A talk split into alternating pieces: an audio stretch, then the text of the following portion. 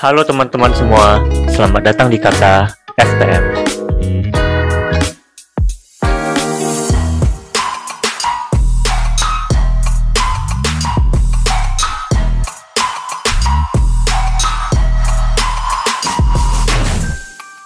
Halo masyarakat STM, balik lagi sama Kata STM di episode kedua.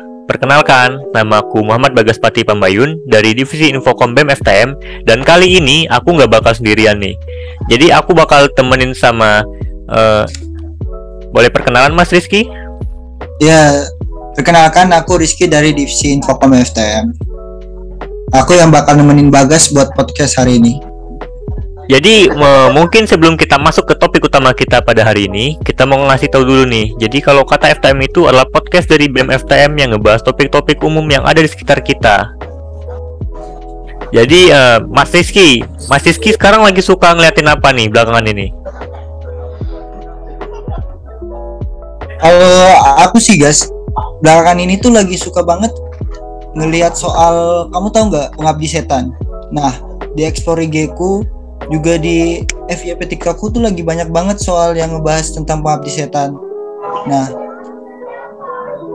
tapi Mas Iki tahu nggak kalau di UPN tuh ada orang-orang yang suka liatin hantu kayak Ghost Hunter gitu? Ah, siapa tuh, guys? Jadi mari kita panggil bintang tamu kita pada hari ini yaitu UKM Pengamatan. Jadi di ya, episode kali ini dengan judul Cicat bersama UKM Pengamatan, kita bakal kenalan dan ngobrol bareng bersama UKM Pengamatan. Jadi selamat datang Mas, mungkin boleh perkenalan dulu Mas biar para pendengar lebih kenal sama Masnya.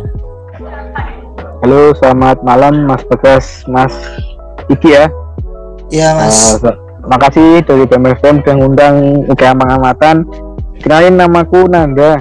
Aku bagian dari UKM Pengamatan ya juga uh, jadi admin twitternya oke pengamatan gitu. Oke, jadi kalau uh, Mas Nandanya sendiri sekarang lagi sibuk ngapain aja nih Mas? Ada kesibukan atau lagi ngapain nih?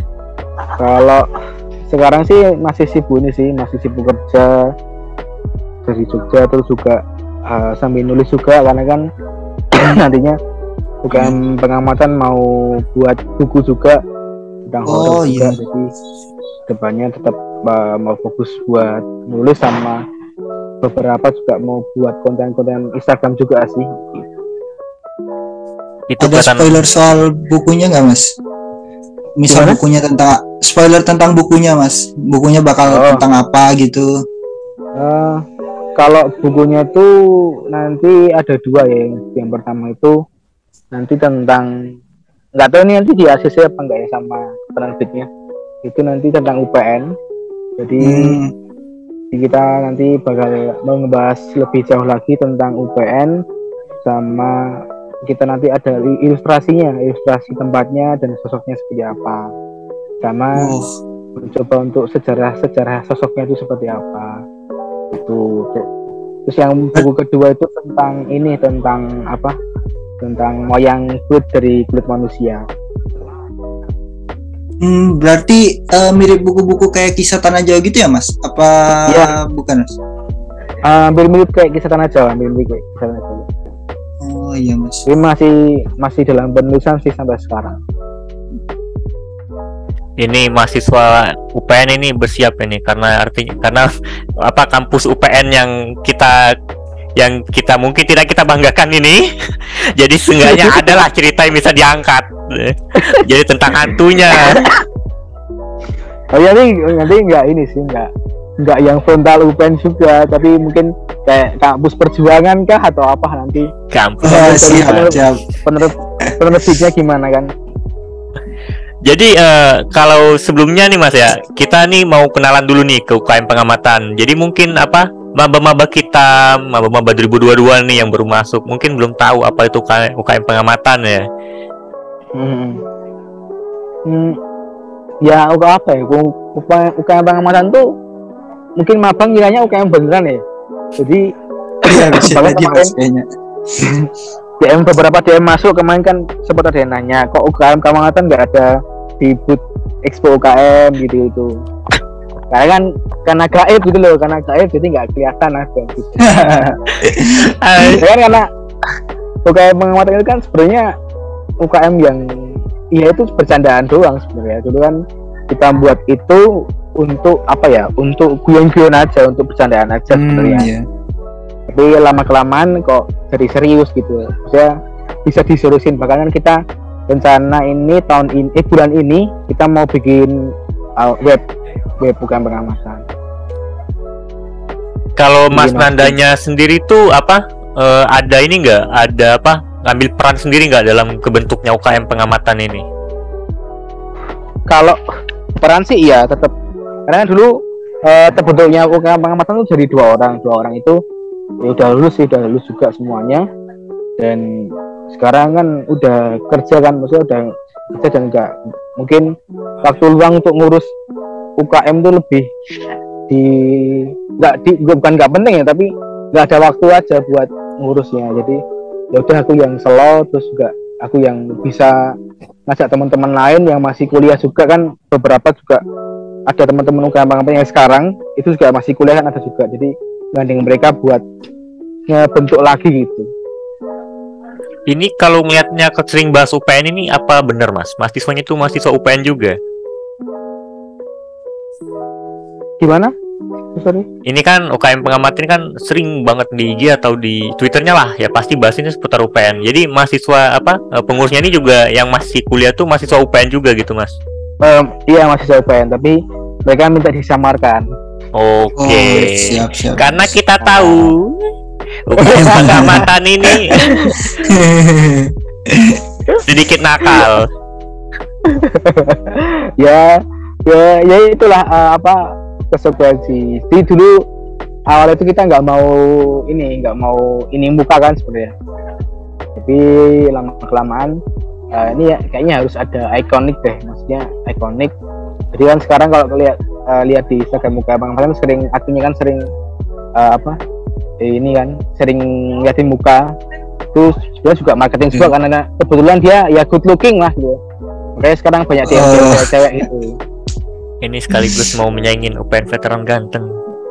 Iya bisa ya guys bisa bisa. itu saya mau nyari adminnya itu siapa Berarti sampai sekarang nggak tahu mas UKM adminnya UKM UPN veteran ganteng siapa? kalau desa desusnya sih aku udah tahu orangnya belum belum ini aja sih belum ketemu aja sih Hmm. Itu kalau kegiatannya tuh yang apa? Jadi UKM pengamatan kegiatannya apa aja sih Mas yang di sekitar UPN tuh? Mereka ngapain aja sih selain apa ngeliatin hantu yang ada yang seperti yang di Twitter itu? Iya. kalau dulu ya dulu terpunya UKM pengamatan itu sebenarnya untuk mengamati wanita Oh, jadi pengamat wanita. eh, mahasiswa-mahasiswa gabut yang duduk di taman kampus terus liatin ini cewek siapa gitu-gitu itu doang dulu tuh tapi akhirnya eh, kita buat Instagram dan kita ngepost ngepost. Akhirnya ini seru nih kalau kita eh, nyindirin di kampus tapi kita ini eh, kayak fasilitas kampus tapi dengan bercandaan. Nah, akhirnya kebetulan itu di Instagram. Nah akhirnya pas pandemi itu kan kita nggak ada konten tuh. Ada konten akhirnya kita ke Twitter. Tuh aku awalnya buat Twitter tentang kampus satu ya kalau salah. Itu kampus satu. Aku bikin Twitter itu sempet rame. Akhirnya pas kedua aku bikin tweet tentang eh, kampus dua ya aku yang aku judulin akademisi Babarsari. Itu akhirnya viral. Viral sampai ke mana-mana. Bang waktu itu aku sempat di telepon salah satu media besar juga untuk meng- mengkonfirmasi. Hal itu bahkan sempat dari Humas UPN juga telepon tentang konfirmasi itu. Dan begitulah awalnya jadi ke jadi ke hantu-hantu Oke, jadi ini mereka nih ya teman-teman dari ngamatin cewek, terus jadi ngamatin cewek juga, tapi bedanya Oh. satunya hidup, satunya mati. oh ya mas, aku juga mau nanya nih mas. Eh, Eh. masih inget nggak posan pertama di Instagram waktu pertama kali terbentuk tuh ngepost tentang apa gitu? Posannya tentang apa? kalau nggak salah ya itu ngepost lagi ada ospek kalau nggak salah.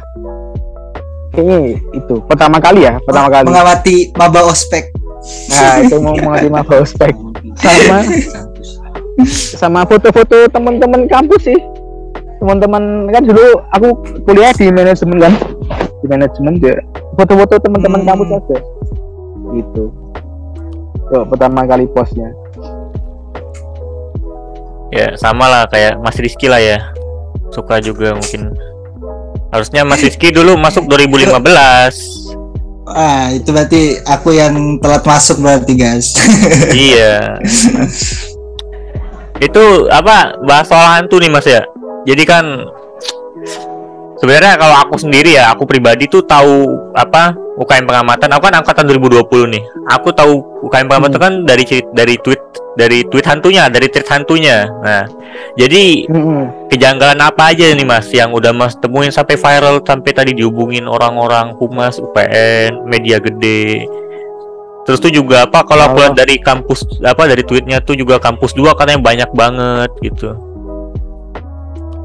kalau kampus dua itu emang banyak ya karena kan itu kampus gak terus ya jadi itu kan hampir bisa dibilang itu terbengkalai ya itu kampusnya dua.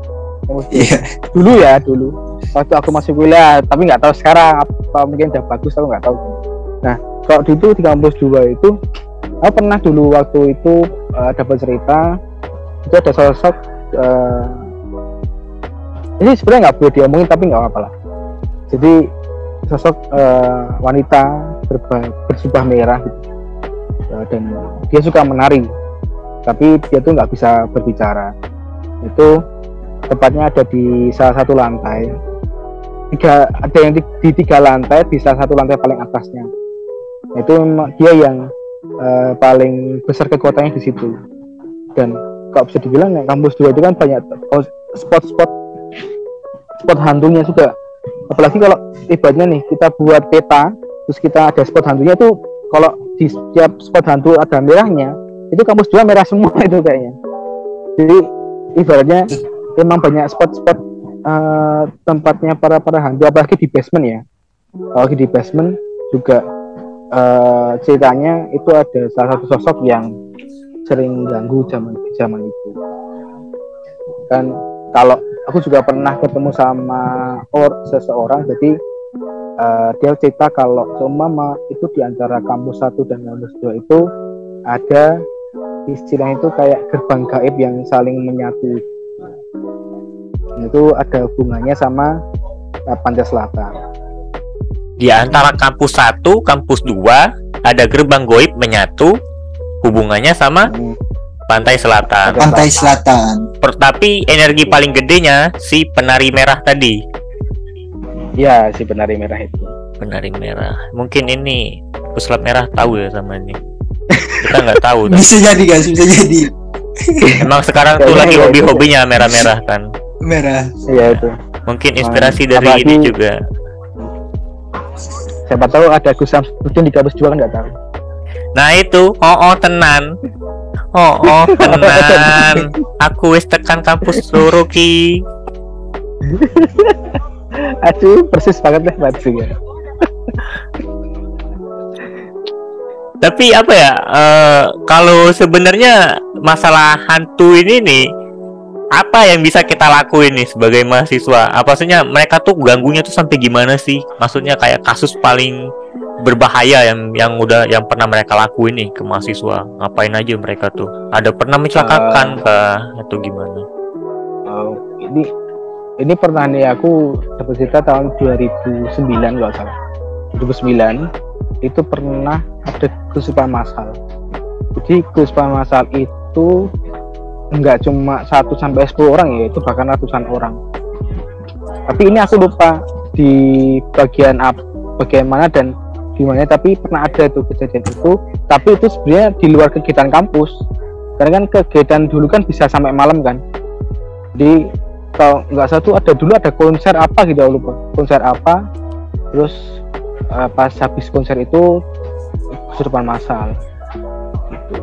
tapi juga ada sih aku pernah itu aku eh, teman-teman pengamatan tuh di bukan diundang ya di telepon. Itu pas ada kegiatan salah satu UKM juga. Itu lagi kegiatan terus dia menyalakan eh, gamelan. Nah mungkin nggak izin atau gimana akhirnya kesurupan tuh ada tiga orang kesurupan. Dan waktu itu aku dan teman-temanku yang ya alhamdulillah bisa ngebantu bantu biar uh, apa nggak kesusahan lagi itu kan karena ngundang juga dari apa dari univ lain juga. Itu sih. Oh iya mas. Tadi katanya kan ada suara uh, teman mas itu mainin gamelan ya mas? Hmm. Wah ya. suka lain nah, tuh. Wah. oh iya. Tapi bener nggak sih mas kalau misalnya kayak misal orang yang baru datang ke Jogja terus kayak dengar suara gamelan gitu itu kayak tanda selamat datang gitu ya mas? Ya itu itu kan mitos masyarakat kan. Nah oh, iya. mitos masyarakat itu aku nggak bisa bilang benar atau enggak ya. Itu tergantung masing-masing orangnya. Tergantung dia percaya atau enggak karena goib itu adalah frekuensi. Metafisika itu adalah frekuensi. Ketika kita satu frekuensi dengan hal gaib gaib itu pasti akan ibaratnya menyampaikan apa frekuensinya dia gitu. contoh gini aku atau sama Bagas nih Bagas bisa melihat, aku bisa melihat. Ketika di suatu tempat, aku melihat kuntilanak semua. Bagas tuh bisa lihat yang lain, karena tergantung dari frekuensi otak kita. Tapi sebenarnya wujud mereka itu bukan itu. Wujud mereka itu nggak bisa kita lihat sebenarnya. Yang bisa melihat ya cuma, ya maaf Rasulullah, Nabi ya segala macam. Kita nggak bisa melihat secara langsung bentuk jin yang seperti aslinya seperti apa. Karena jin itu adalah uh, tiruan juga, semua tiruan. Kita sudah dimensetkan dari dulu adanya anak pocong dan segala macam. Jadi mereka membentuk itu agar yang ditakutkan orang-orang itu gitu. Masa kan nggak pernah ada pocong di Australia kan? Betul. Eh, apa pocong di, di Amerika kan nggak ada. Balik lagi nah, ke budayanya berarti. Hmm, baik ke budaya antara percaya dan percaya. Untuk menaikkan apakah ada gamelan dan segala macam, jujur aja ketika aku dulu waktu di Jogja, itu satu kontraanku tuh dengar gamelan. Ya itu nggak ada wujudnya sama sekali. Makanya tapi teman-teman tolong ya bedakan ya. Ini di sini Mas Nanda ceritanya tuh bukan ini benar-benar dalam kondisi sadar. Ini emang kayaknya harus diklarifikasi dulu Mas ya sebelumnya. Ini jadi kayak ini dalam bentuk sadar. Jadi misalnya nggak kami kami sadar nih. Terus kami dengar ada suara gamelan. Bukan maksudnya antar kalian pasti mikir aneh-aneh iya. nih mas kayaknya nih. Pendengar nih kayak iya, mikir iya. aneh-aneh. Ah masa? Ya, ya. nanti kalian tuh lagi ngapa-ngapain aja tuh. Enggak lah. Ini kita kasih aja kan? Enggak. Masa ya masa ya lagi minum anggur merah terus dengar gamelan aja beda lagi. Nah itu beda. Nah, apa kalau sekarang kawa-kawa. Nah Bagas tahu tuh kayaknya kawa-kawa. Entar Mas Rizky habis magic mushroom uh, ngelihat gelas tuh jadi apa? Jadi gamelan, gamelan 3 meter. Bahkan aku dulu pernah kok buat cerita tentang aku dulu ngekos sampai ngontrak di Jogja yang kebetulan dulu angker semua. Ya itu udah aku tulis juga nama ceritanya itu Sugeng Rawuh. Di, di, di, di Twitter ada di Sugeng Rawuh itu aku nulis dari awal aku dulu uh, kuliah sampai lulus itu itu sih Nah, Mas, tadi kan tuh banyak cerita-cerita yang di kampus 2 gitu ya, Mas. Kalau kita tarik ke kampus satu ini, Mas, kira-kira ada nggak, Mas, kalau cerita-cerita horor yang di kampus satu ini, Mas? Banyak dong. Apa aja tuh, Mas? Uh, kalau uh, di kampus satu tuh kebanyakan koloni-koloni sih ada koloni kuntilanak. Uh, ada beberapa juga sosok-sosok genderuwo juga ada. Terus paling kalau paling ngeri itu sebenarnya di daerah FPK sama FTM sih sebenarnya. Kalau FTM itu ada sosok aku yang pernah aku lihat itu ada sosok ular berkepala wanita itu sosok nggak tahu itu sosok dari kapan tapi itu panjangnya itu dari lantai satu sampai lantai tiga sosok ular itu karena aku hmm. pernah ada cerita di mana di FTM karena ngomong ini FTM ya? Jadi iya iya mas. FTM itu pernah kejadian di mana mahasiswa eh tiga mahasiswa kok empat atau tiga gitu lagi ngerjain laporan di salah satu lab di kampus satu itu tiba-tiba itu printer itu ngeprint sendiri. Sedang ngeprint sendiri posisi jam 3 pagi. Jam pagi uh, ngeprint sendiri terus udah dibiarin aja ke, keduanya dua kali ngeprint sendiri lagi tapi kosong. Nah akhirnya pulang tuh pulang semua pulang semua dan ditinggalkanlah satu orang yang memang untuk nunggu print print nunggu print ini ya print laporannya. Nah paginya si temannya yang udah pul kan tiga orang tuh udah pulang. Tiga satu orang di atas di labnya itu. Tiba-tiba pas paginya tiga orang itu lihat temannya lagi di lantai atas itu dengan baju yang sama yang dia pakai semalam terus temennya sempat ngobrol kok dia nggak pulang ya apa dia itu nggak ganti baju apa gimana? Nah tiba-tiba pas mereka ngobrol itu tiba-tiba temennya datang dari arah parkiran. Bukan dari arah parkiran datang dengan baju yang berbeda dan jaket yang beda. Terus ditanya loh kamu bukannya udah di atas ya? Enggak aku tadi pagi jam 5 pulang terus balik mandi terus balik kampus lagi. Itu terus yang pakai baju eh jaketku jaketmu semalam? Siapa yang di atas? Terus dia baru bilang oh iya aku tuh mau ke kampus mau ambil jaketku yang ketinggalan di lab itu. Jadi dia ngambil jaket yang ternyata dia mau ke kampus tuh mau jaket ambil yang ketinggalan dan ada sosok yang menyerupai dia memakai apa jaket yang ketinggalan itu bisa jadi jin itu kayaknya mas. Jadi ini jinnya pesan menyerupai ini untuk Mas Rizky sebagai asisten ya mungkin. Kan jadi ini kayaknya ini apa tugasnya berat-berat banget nih ya sampai apa kita kan nggak tahu ya jurusan mana ya.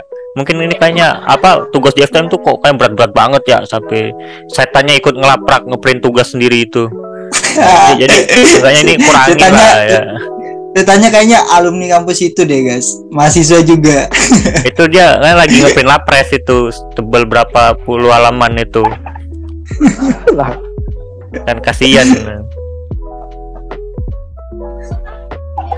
Tapi mas jadi kalau kalau dari apa eh kan apa ada ininya nih. Ada kan tadi kan ada apa ada benang merahnya ya kampus satu sama kampus dua tuh yaitu gerbang goibnya yang saling nyatu dan terhubung ke pantai selatan.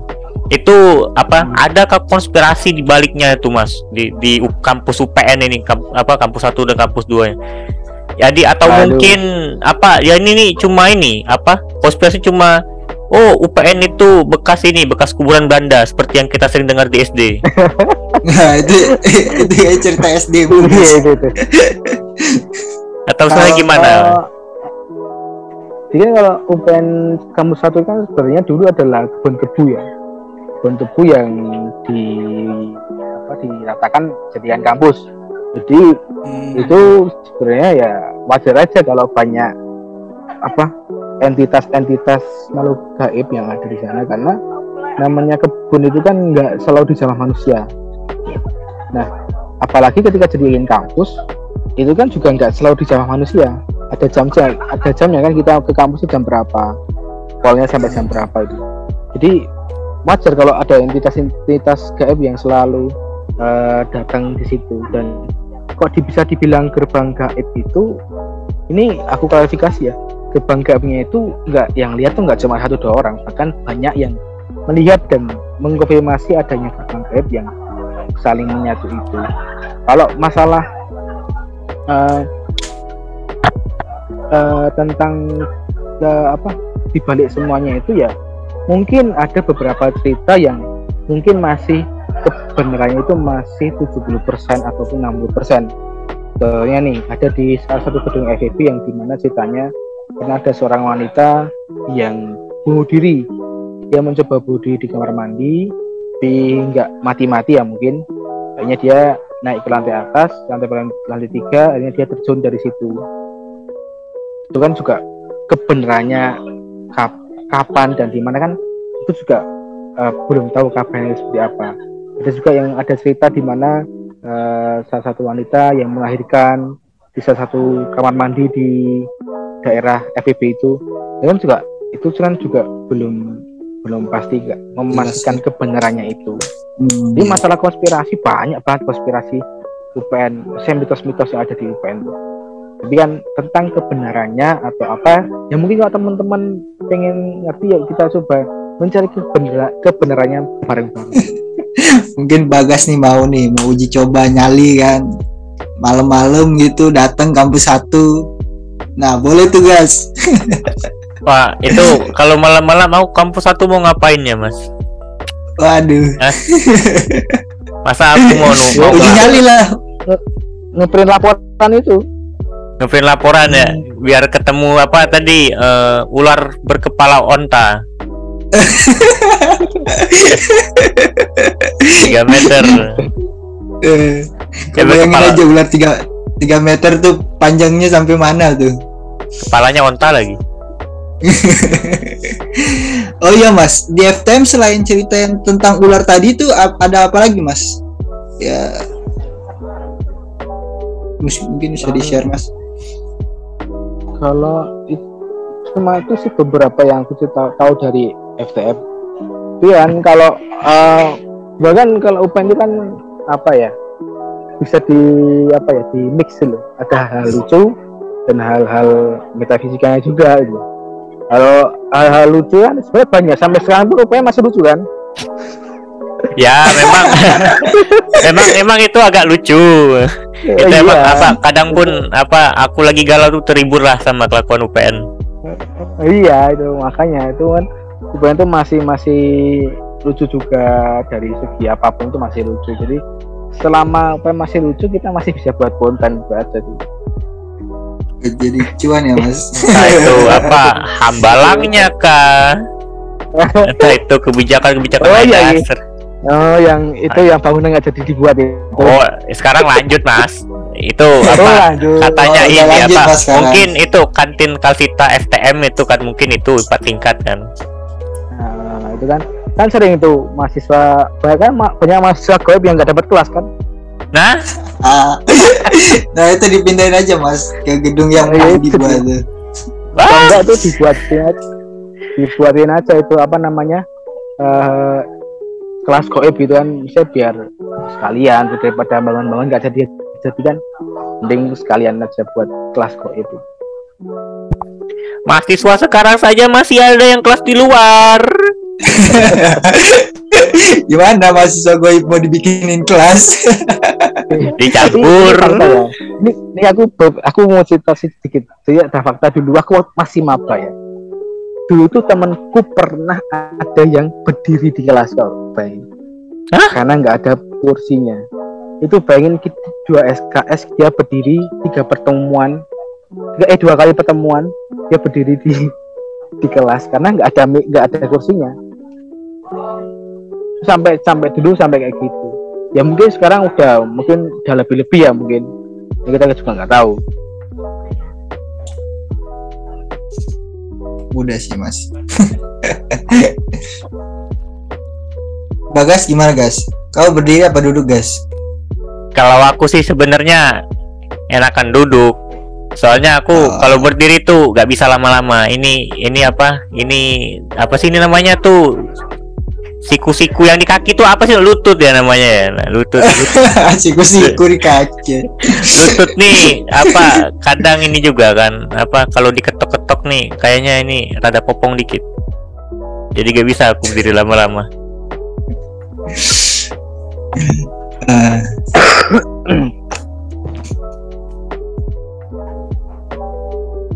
Kalau Mas mau nanya kalau misal ke depannya ini bakal ada cerita apa lagi Mas? Mungkin bakal ditunggu-tunggu oleh pendengarnya UKM pengamatan nih.